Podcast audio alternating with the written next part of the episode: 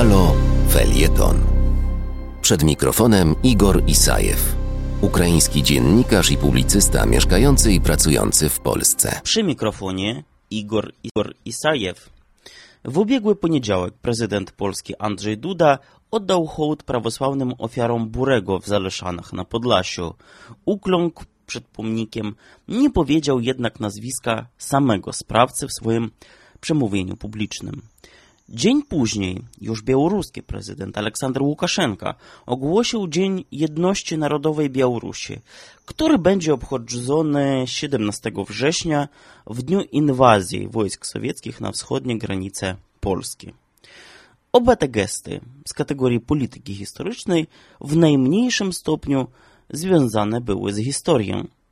Duda musiał wykonać jakiś gest w solidarności do Białorusinów po niefortunnym twicie Terleckiego, a Łukaszenka coraz bardziej świadomie idzie na konfrontację z Polską i z Litwą, wykorzystując przeszłość, czego warte jest choćby wezwanie z białoruskiej prokuratury dla byłego prezydenta Litwy Waldosa Adamkusa w sprawie ludobójstwa narodu białoruskiego sprzed dwóch tygodni.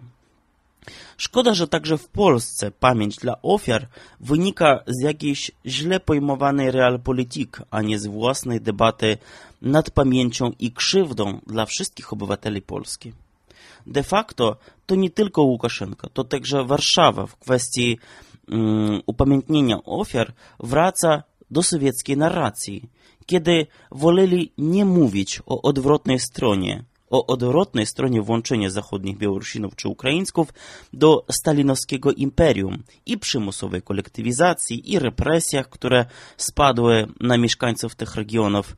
Owszem, międzywojenna Polska była kiepskim państwem, szczególnie dla nich, ale w końcu przyszło jeszcze straszniejsze nieszczęście.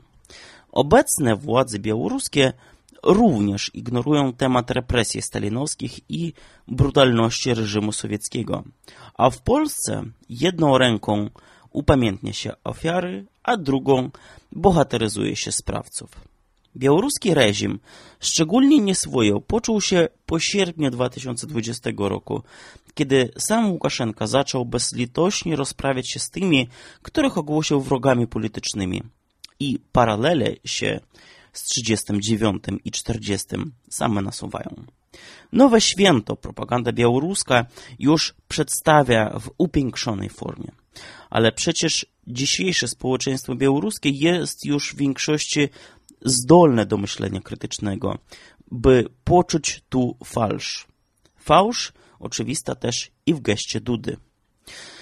Wybierając datę 17 września na święto białoruskiej jedności narodowej, twórcy pomysłu nie wzięli pod uwagę delikatnego momentu.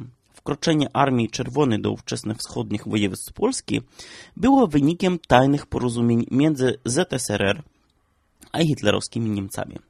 A ten aspekt na terenie Białorusi wygląda szczególnie dotkliwie, ponieważ same obecne władze, sam Łukaszenka, e, niedawno uchwalił ustawę o zakazie propagowania nazizmu. Najsmutniejsze jest to, że w rzeczywistości władze białoruskie nie wydają się nawet myśleć o szukaniu porozumienia narodowego w sytuacji, gdy społeczeństwo jest rozdarte przez najpoważniejszy kryzys polityczny obecnej Białorusi.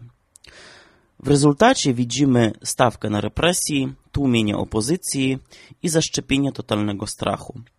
Tak samo wyglądałoby święto jedności narodowej Polaków powiedzmy 1 marca, no albo już tak wygląda 11 listopada. Jedyne znane mi święto niepodległości kraju z największą w regionie imprezą neonazistów. I żadne święta wymyślone w instytucjach państwowych nie zmienią tego smutnego faktu.